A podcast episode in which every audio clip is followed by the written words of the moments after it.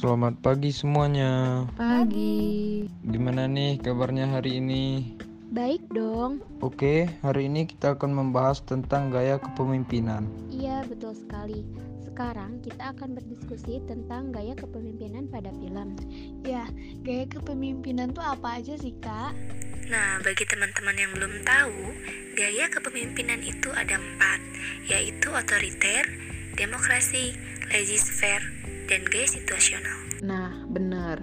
Seperti yang sudah kita ketahui barusan, selanjutnya kita akan membahas tentang filmnya nih. Film apa nih yang pertama akan kita bahas? Bagaimana dengan film The Internship?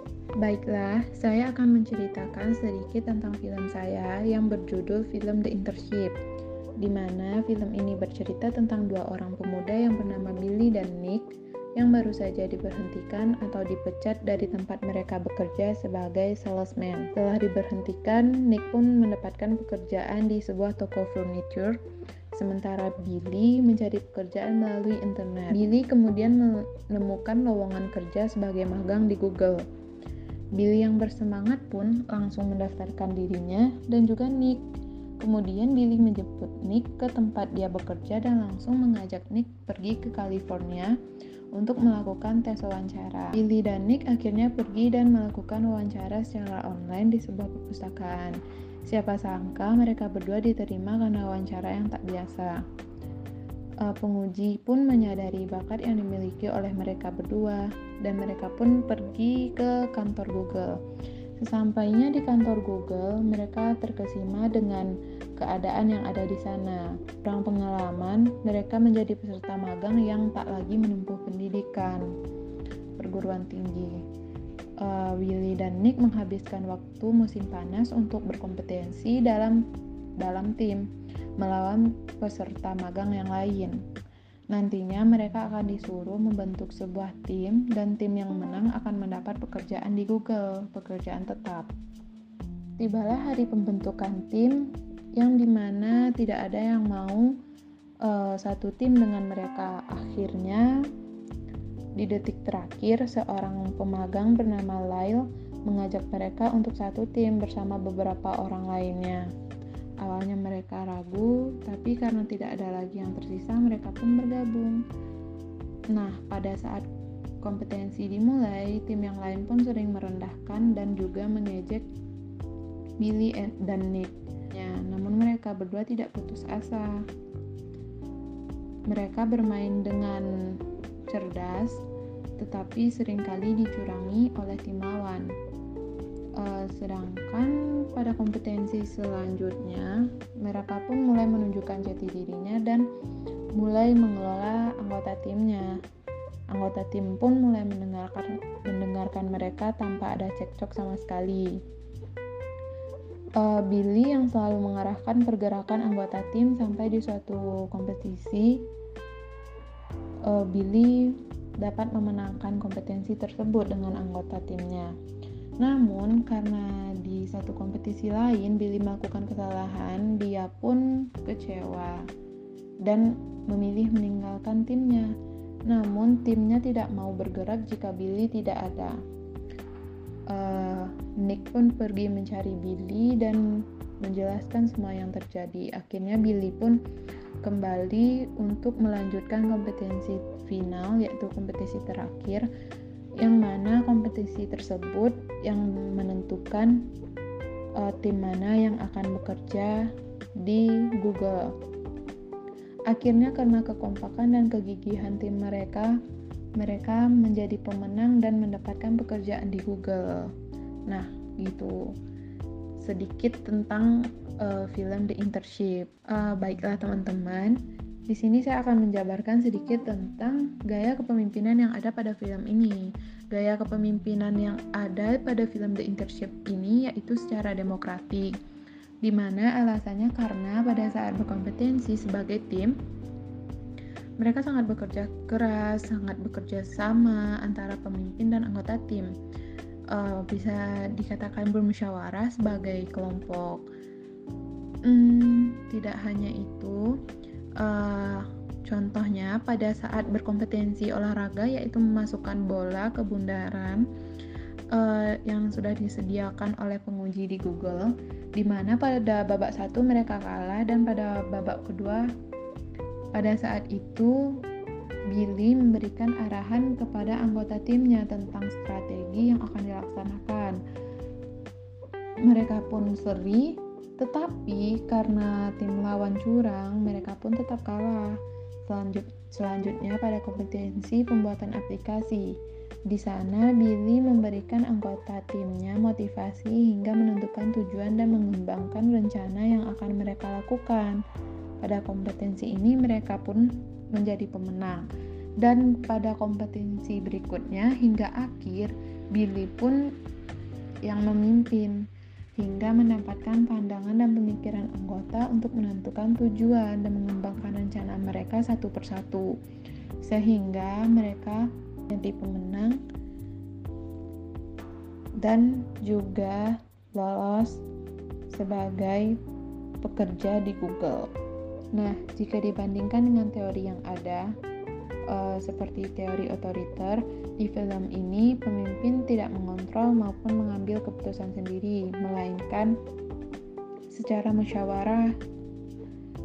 Sedangkan dengan teori laissez-faire, uh, pemimpinnya memang memberikan kebebasan tindakan, tetapi tidak menyerahkan perannya uh, kepada anggota tim. Sedangkan untuk teori terakhir yaitu teori situasional, pada film ini tidak ada paksaan sama sekali yang dilakukan pemimpin, tetapi pemimpin memang memberikan kebebasan kepada bawahannya. Uh, saya memilih demokratik karena alasan yang cukup jelas. Dan uh, Pembahasan yang terakhir yaitu tentang apakah gaya kepemimpinan tersebut sudah tepat diterapkan dalam film The Internship. Jawaban dari saya, ya, karena gaya kepemimpinan yang tercipta berdasarkan pemikiran bersama. Pemimpin juga memotivasi mereka untuk menentukan tujuan, serta mengembangkan rencana sehingga mereka dapat menyelesaikan suatu permasalahan dengan benar dan bijak. Wah, Kayaknya sangat menarik ya film tersebut. Baik, selanjutnya saya akan menjelaskan atau mereview tentang film saya yang berjudul McFarland USA tahun 2015. Film produksi keluaran 2015 ini diangkat dari sebuah kisah nyata tentang seorang pelatih football yang bernama Jim White. Jadi Jim ini merupakan uh, seorang pelatih football uh, di California, namun dia dipecat karena melakukan uh, kepemimpinan yang terlalu otoriter, terlalu kuat, terlalu keras kepada murid-muridnya. Bahkan dia juga sempat berkelahi dengan komite sekolahnya. Kemudian di, dia dipindahkan ke sebuah kota kecil yang disebut McFarland. McFarland ini bisa dikatakan adalah sebuah kota termiskin di Amerika pada saat itu. Tidak ada yang mengenal kota tersebut dan tidak ada yang ingin tinggal di sana. Namun karena keterpaksaan, karena tidak memiliki uang, akhirnya James berkeluarganya bersama keluarganya tinggal di sana melanjutkan hidupnya. James kemudian mengajar di sebuah SMU di McFarland, yaitu SMU McFarland. Dia mengajar sebagai guru sains dan guru football. Namun ternyata tidak mulus pada hari pertamanya saja dia sudah dikeluarkan dari sebuah tim football. Kenapa? Karena dia sendiri um, berbeda pendapat dengan pelatih lama di football. Karenanya dia harus dikeluarkan dari tim tersebut dan beralih ke cabang olahraga biasa. Namun e, ternyata James tidak menyerah. Di situ dia mulai e, menemukan keistimewaan baru yaitu melihat anak-anak dari daerah tersebut memiliki lari sangat cepat, kemudian fisiknya yang sangat kuat. Kemudian James berinisiatif dan memulai misinya untuk menjadikan mereka sebagai atlet atau pelari profesional.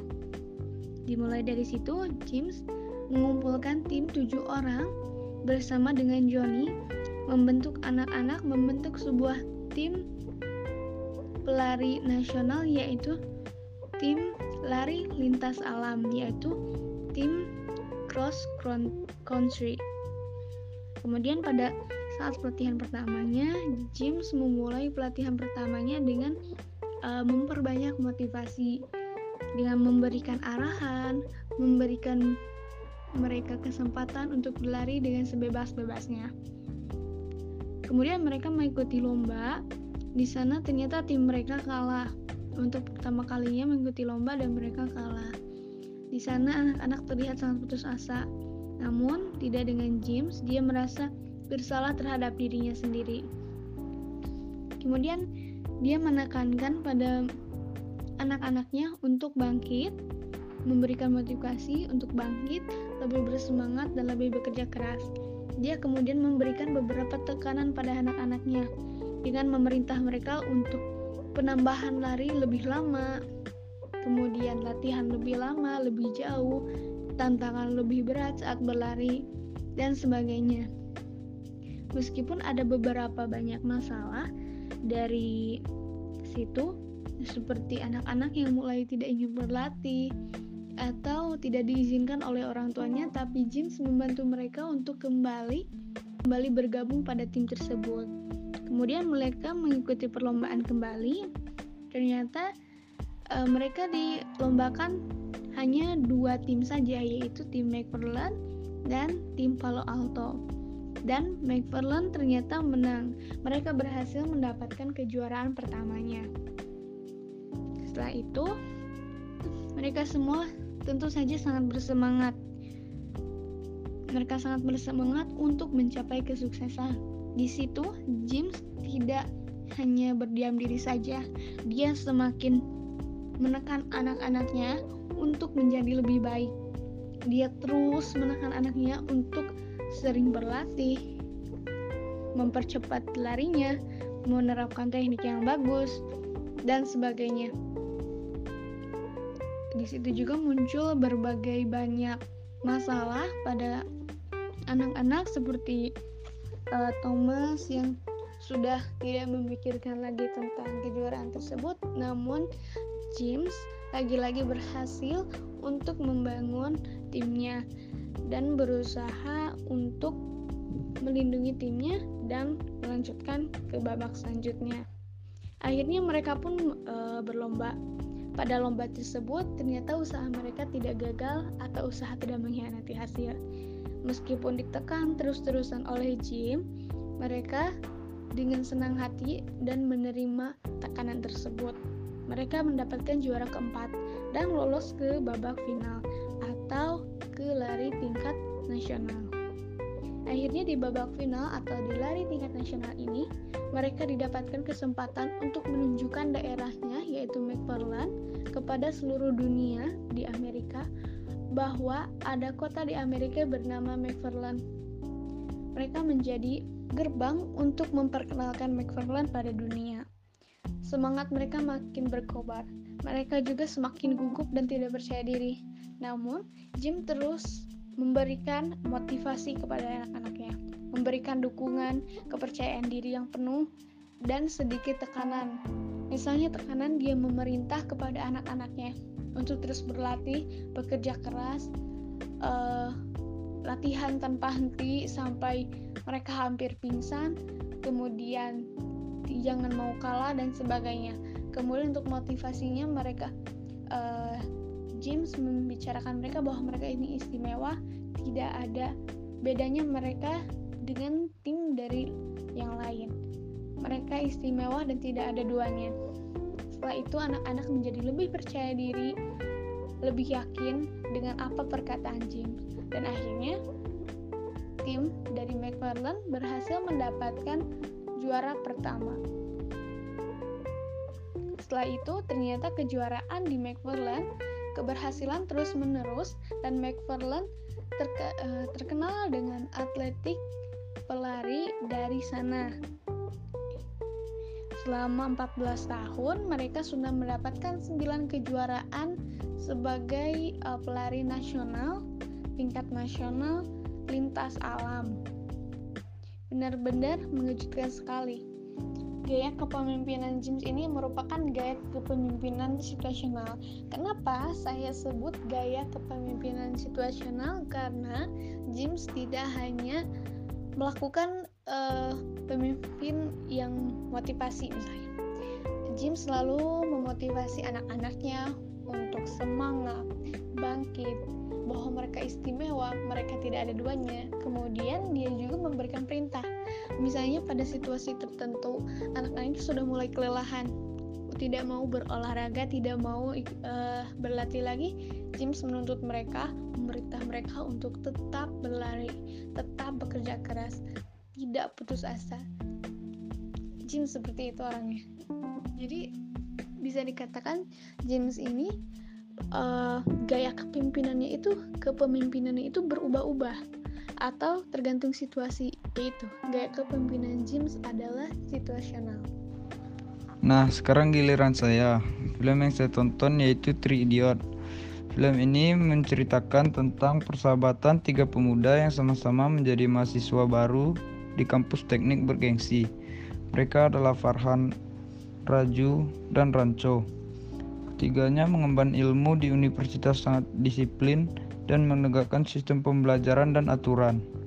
Universitas tersebut memiliki sosok rektor yang kejam bernama Profesor Viru. Tak ada yang bisa mengubah ataupun berani melawan sistem pendidikan kampus yang sudah bertahun-tahun diterapkan dengan tegas dan ketat sampai Ranco muncul.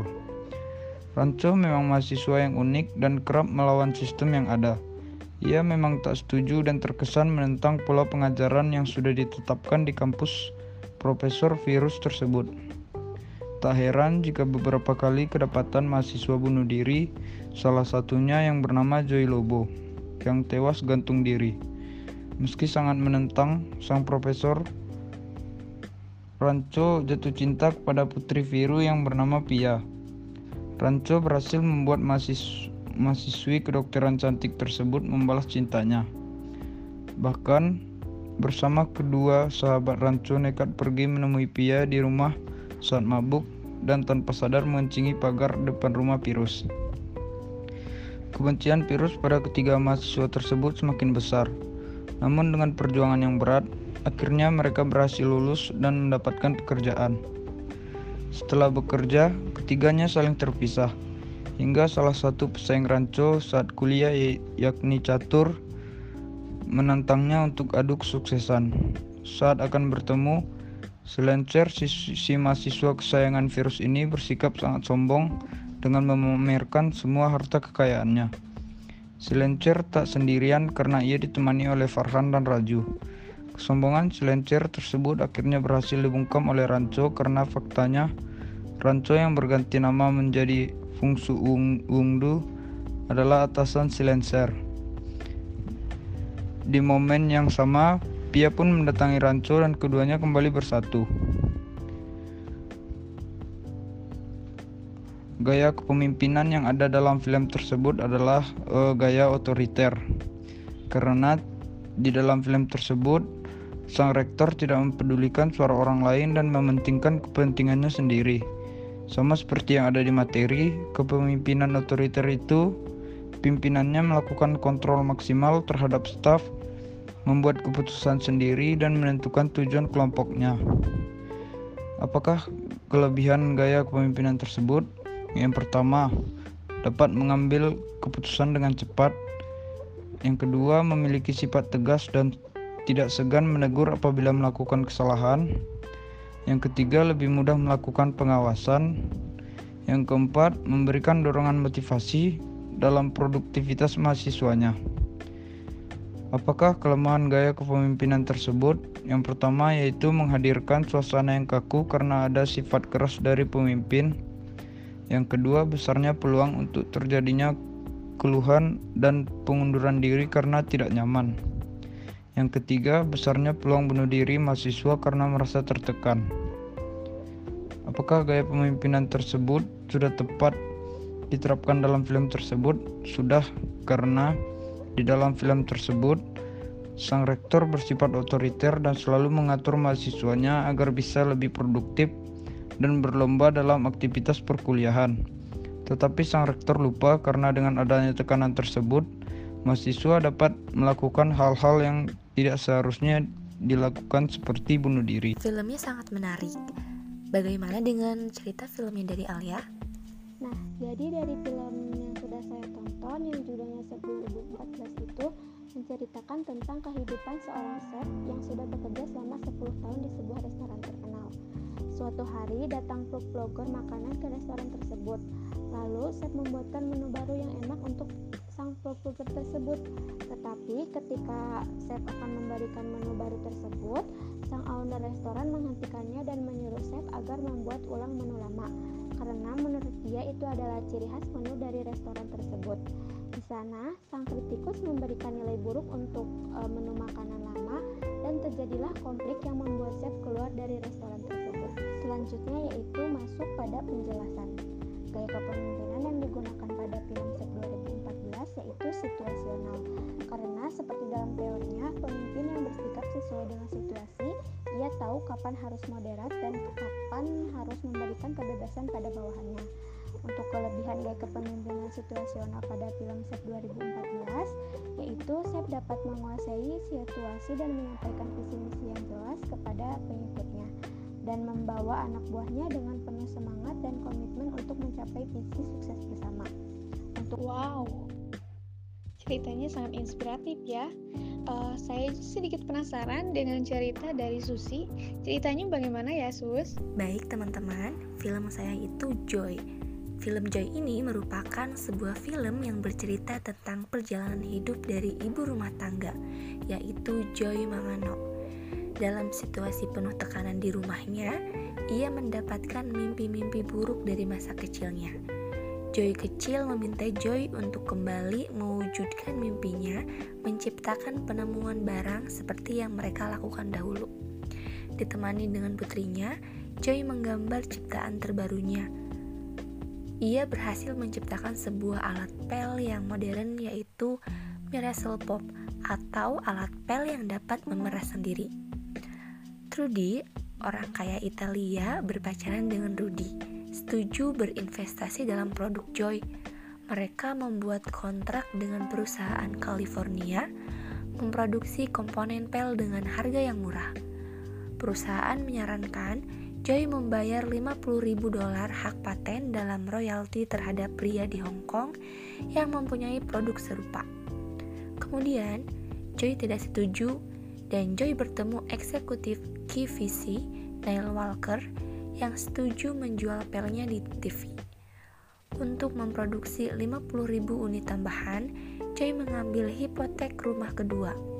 Saat upaya TV pertama gagal usai pitchment, yaitu selebriti secara tidak benar menunjukkan produk Joy. Kemudian, Joy menuntutnya diizinkan melakukan infomersial kedua. Pel terjual habis, menghabiskan ribuan dolar. Bisnis pemula Joy terancam usai. Kemudian Peggy membayar tagihan berlebih dari produsen tanpa persetujuan Joy. Pabrikan menolak mengembalikan uang dan celah kontrak memungkinkan mereka secara curang mematenkan desain pel Joy. Tidak lama usai mengajukan kebangkrutan, Joy mendapati tidak pernah ada produk serupa di Hong Kong dan pabrik tersebut menipunya. Dia berhadapan pemilik pabrik memaksanya mengembalikan uang, membayar ganti rugi, dan melepaskan klaim patennya. Joy menjadi pengusaha wanita sukses, mensponsori penemu lainnya. Tony dan Jackie adalah penasihatnya yang paling berharga. Joy mendukung ayahnya yang lanjut usia, walaupun gugatannya dan Peggy tidak berhasil kepemilikan perusahaannya. Nah, pada film ini tuh menggambarkan bagaimana sosok Joy sebagai wanita yang tangguh, kuat, cerdas, dan tak segan melawan siapa pun yang menghalangi jalannya. Gaya kepemimpinan yang digunakan dalam film ini terutama pada tokoh utama yaitu Joy adalah gaya kepemimpinan otoriter. Gaya kepemimpinan otoriter adalah gaya pemimpin yang memusatkan segala keputusan dan kebijakan yang diambil dari dirinya sendiri adalah secara penuh. Artinya, Pemimpin sebagai kepala dari organisasi adalah satu-satunya pihak yang memiliki untuk membuat semua keputusan strategis. Nah, pada gaya kepemimpinan ini mempunyai kelebihan dan kekurangan. Untuk kelebihannya, gaya kepemimpinan otoriter efektif ketika keputusan harus dibuat dengan efisien dan cepat, tanpa waktu untuk berkonsultasi dengan orang lain. Sedangkan untuk kekurangannya, Gaya kepemimpinan otoriter berpusat pada satu sosok tertinggi saja, alias pemimpin adalah penguasa. Nah, kepemimpinan seperti ini sering menunjukkan uh, kurangnya kepercayaan pada nasihat, saran, ide, dan kemampuan decision making orang lain. Secara garis besar, gaya kepemimpinan otoriter berisiko tinggi membuat perusahaan bergantung hanya pada satu orang saja. Seperti itu, teman-teman. Nah, jika disimpulkan, gaya kepemimpinan paling banyak adalah kepemimpinan situasional dan otoriter dan yang paling sedikit adalah gaya demokrasi. Untuk menentukan gaya kepemimpinan seseorang itu berbeda-beda, tergantung kepada orangnya. Terlepas dari kepemimpinan atau cara kepemimpinan seseorang tersebut, setiap orang pasti dan akan mampu menjadi seorang pemimpin yang baik dengan caranya tersendiri. Nah, iya sesuai dengan gaya kepemimpinan masing-masing.